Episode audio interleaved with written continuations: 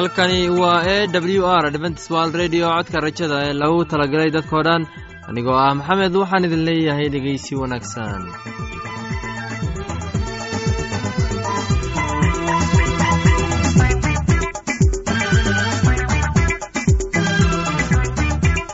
Barnaamijyadeena maanta waa laba qaybood. Qaybta koowaad waxaad ku maqli doontaan barnaamijka caafimaadka. Uu inoo soo jeedinaya shiina kadib waxaa inoo raacaya cashar inaga imaanaya bugga nolosha uu inoo soo jeedin doona cabdi labadaasi barnaamij ee xiisaha leh waxaa inoo dheeraysa daabacsan oo aynu idiin soo xulnay kuwaas aynu filayno inaad ka heli doontaan. Dhegeystayaasheenna qiimaha iyo khadradda leho waxaynu kaa codsanayna inaad barnaamijkana si haboon u dhegeysataan haddii aad wax su'aalaha qabto ama aad haysid wax tale ama tusaale fadlan inala soo xiriir dib ayaynu kaga sheegi doonaa ciwaankeenna. Bal intaynan u guudagalin barnaamijyadeena xiisaha leh waxaad marka hore ku soo dhowaataan. Heestan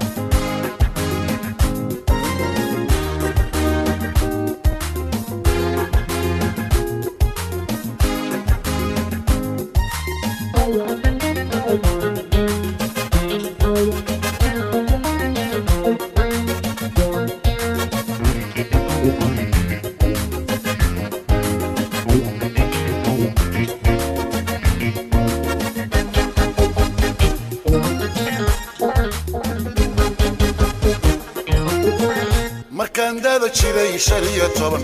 Markaan damac ur la soo kacay. Markaan dada jiray shan iyo toban. Markaan damac ur la soo kacay. Dokhayga markaanu saan tegey.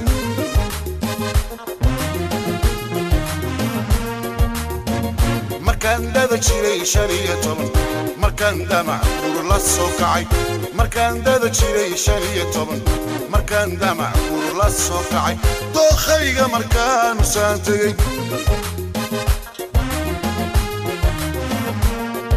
naftayda midaanu doorbido dadeedanigoon ka garanay naftayda midaanu doorbido dadeedanigoon ka garanay abaagadagayo midaanini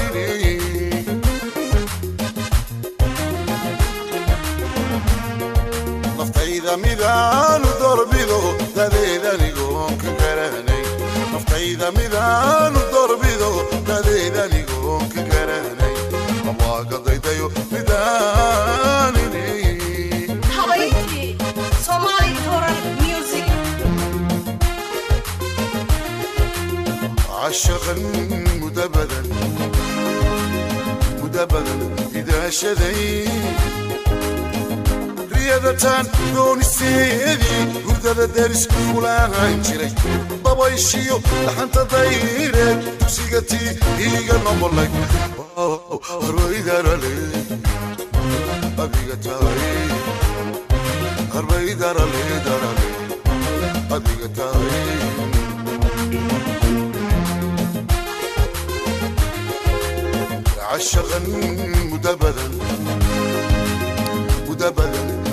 shaday riyadataan doonisteedii hurdada daris kulaahaan jiray dabayshiyo dhaxanta dayreed dugsiga tii iiga noqolay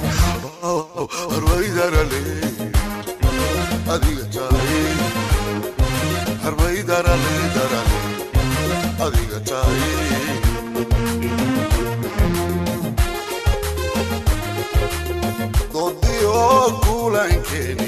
barashada dexdiyo hadalkaagii macaanaa daway samirkiyo dulqaadkii imaankiyo daacadaadii dubaqay ka jeclayste naftayda midii ay ku degilay harbaydarale adiga tahay harbaydarale darale adiga tahay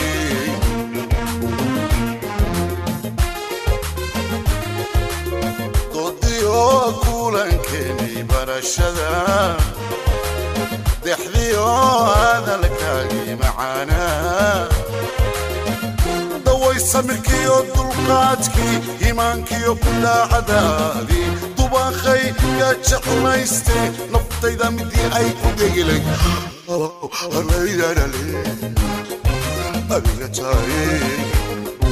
harbaydarale adiga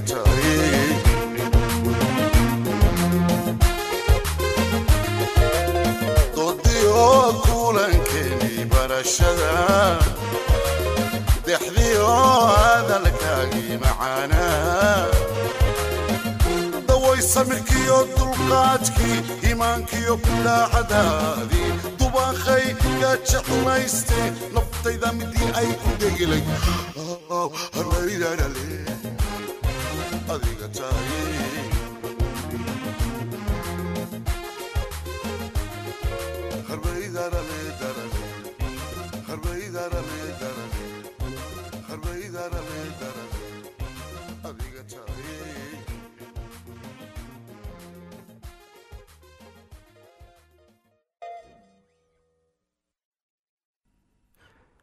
waxaan filayaa inaad ka faa'iidaysateen heestani. Haddana waxaad ku soo dhowaataan barnaamijkii doktor luuq ee caafimaadka. Waa kuma doktor luuq. Kani waa taxanihii barnaamijkii koowaad oo ka hadlayo caafimaadka. Sida oo kale ayaynu caafimaad wacan uga noolaan karnaa caafimaadka wanaagsan ayaynu leenahay hase ahaatee haddii aan ku noolaano caafimaad wanaagsan. Noloshu mar unbay dhammaan doontaa. Su'aashu waxay tahay waa kuma doktor luuq wuxuu ku noolaa waddanka yahuudda laba kunoo sano la soo dhaafay. Wuxuu ahaa nin waddanka gariga u dhashay luuqadda gariig waxay ka mid ahayd luuqadaha aad looga hadlo dunida wakhtigaasi inkastoo uu ku noolaa waddanka falastiin doktor luuq wuxuu fahansanaa dhaqamo kala duwan iyo daryeel caafimaad iyo daaweynta cudurrada wakhtigaasi wuxuu aad uga dhiirigelin jiray daryeelka iyo daaweynta dadka bukaan. Badanaa dadku waxay goobjoog ka ahaayeen dhacdooyin kala duwan oo dad badan loogu bogsiiyey. Doktor luuq wuxuu baaritaan ku sameeyey bilowgii taasi waxay wanaagsanayd dhacdooyinka ka mid ah in loo qoro ama qirashadeeda kuwa goobjoog ka ahaayeen. Doktor luuq wuxuu soo ururiyey arrimo badan oo ku saabsan sidii loogu noolaan lahaa caafimaadka wanaagsan. Marka horey wuxuu waraysi la yeeshay dadka goobjoog ka ahaayeen dhacdooyinkii iyo bogsiintii cudurrada. Su'aashu waxay tahay waa kuma doktor luuq qoraaladani waxaynu na tusayaan doktor luuq macalinkiisa iyo sida uu u bogsiiyey dadka badan oo buka ee wakhtigaasi oo ku dhacay cudurro kala duwan. Doktor luuq macalinkiisa wuxuu lahaa xigmad iyo awood uu dadka ku bogsiiyo arrin yaa badan bay ahayd wuxuu bogsii jiray dadka buka oo rajo aan lahayn. Maalin maalimaha ka mid ah doktor luuq oo macalinkiisa barayo dadku waxay ka yimaadeen tuulooyin sida magaalada galiley judaya iyo magaalada jerusalem. Wuxuu dadka la wadaagay sidii loo bogsiin lahaa. Rag baa waxay yimaadeen nin jirka ka rag baa waxay la yimaadeen nin jirka ka qalalay. Markaasay doktor luuq hortiisa dhigeen oo ayna u sheegin cudurka ninkaasi hayo. Wuxuu u jeediyey tuulo oo ah sidii ay u daaweyn lahaayeen ninka buka ninkii daarin buu ku jiifay markaasuu siiyey daawooyin uuna ku jiiray meesha isagoo jiifo oona buka. Dadkii goobjoog ka ahaayeen waxay la yaabeen farxad iyo raxmad iyo jaceylka badan ayay dareemeen markii uu ninka bukay socodkii ka caafimaaday sidaa aawadeed ninka wuxuu ahaa nin muddo aad u jiranaa laakiin rabbiga ayaa u gargaaray oo isticmaalay doctor loog awood. Weliba waxay ka timaadaa dhanka rabbiga. Taasi waxay ahayd taariikhdii oo ku saabsanayd caafimaadka ama daryeelka bukaanka sida doctor loog uu qoray.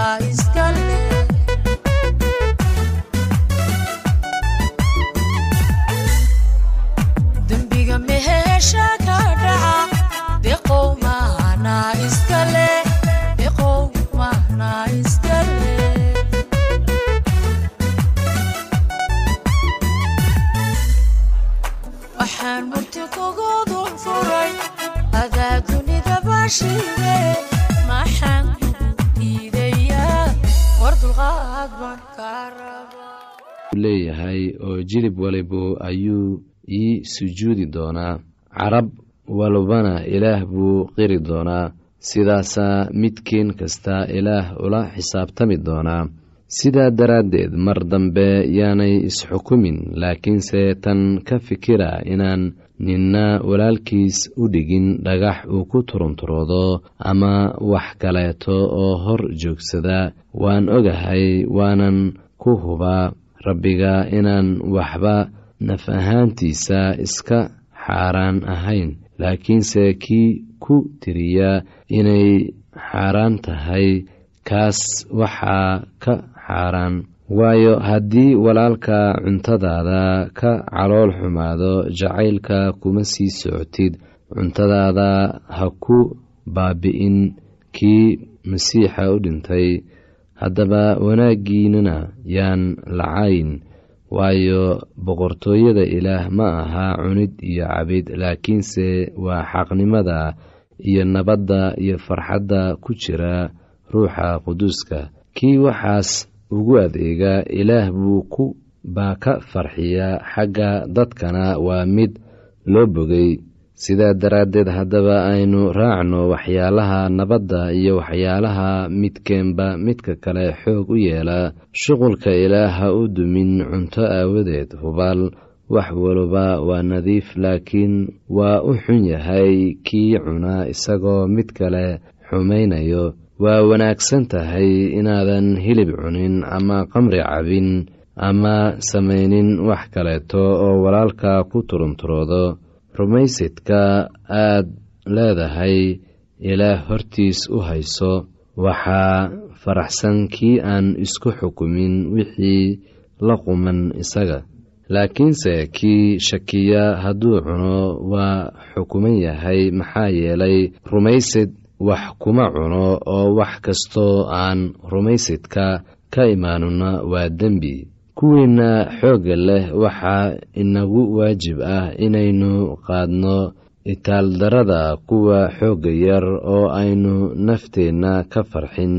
Midkeen kastaaba daraskiisa ha ka farxiyo inuu ka wanaagsanaado oo ku dhismo waayo rabbiga naftiisa kuma uu farxin laakiinse sida qoran caydii kuwa adiga ku caayay ayaa iyaga kor ku dhacday waayo wax alla wixii hore loo qorayba waxaa loo qoray waxbarashadeenna inaynu dulqaadasho iyo gargaarka qorniinka rajo ku lahaano. Ilaaha dulqaadashada iyo gargaaridda ha ka dhigo in midkiinba midka kale la fikir ahaado inaad isku qalbi iyo isku af ku ammaantaan ilaaha dhegaystayaal waxaan intaas kaga sii hakanaynaa kitaabkii roma tan iyo intaynu diibin ku doonno sidaa iyo nabadgelyo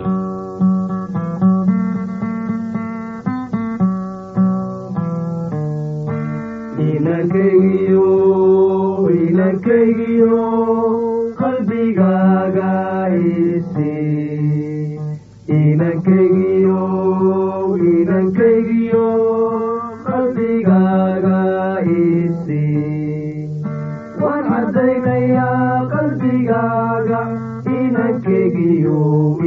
ikaalay waan safaynayaa qalbigaaga ikaalay maanta inankaygiyo imikaada wadnahaaga isi inankaygiyo imikaada wadnahaaga isi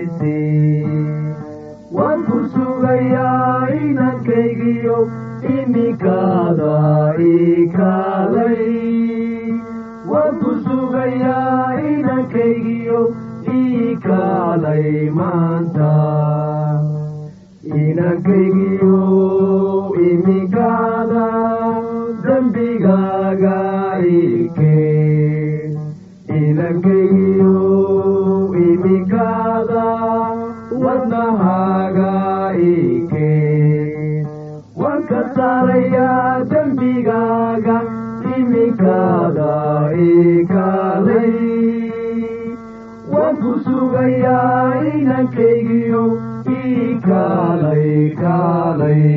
laanta soomaaliga ee codka rajada waxay sii daysaa barnaamijyo kala duwan waxaana ka mid ah barnaamij ku saabsan kitaabka quduuska oo aan mar weliba sheegno oo ay weeliyaan barnaamijyo isugu jira caafimaad heeso nolosha qoyska casharkaasi inaga yimid bugga nolosha ayaan ku soo gogoyneynaa barnaamijyadeena maanta.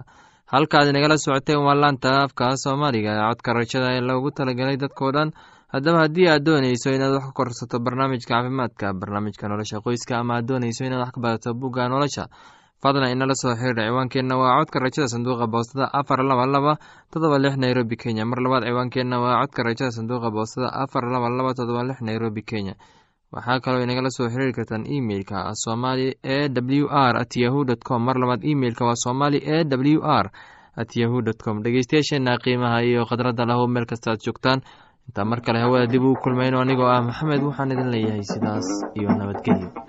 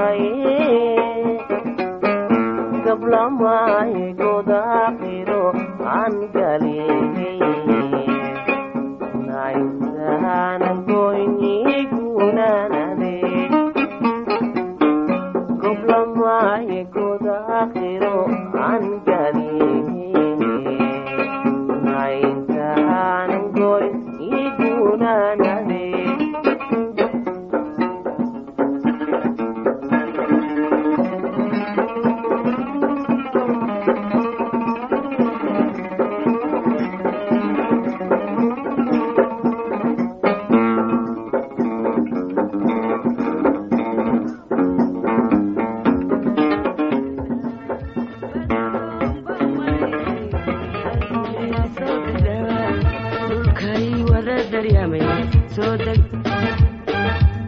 Oo dhulkay wada dargamay soo deg.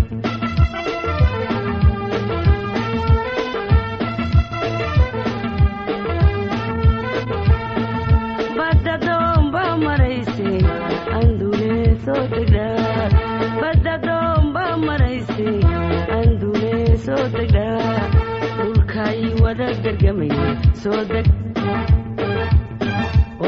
dhulkay wada dargamay soo deg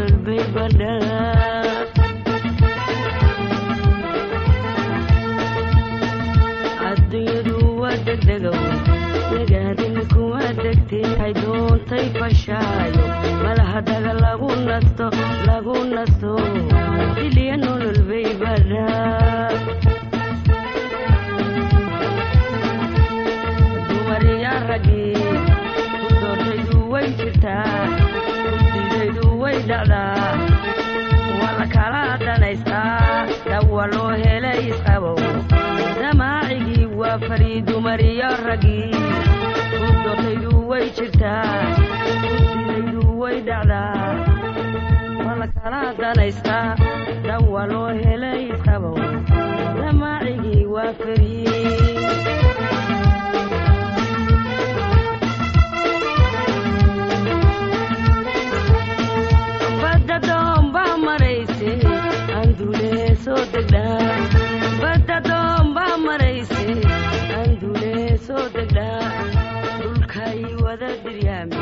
مدد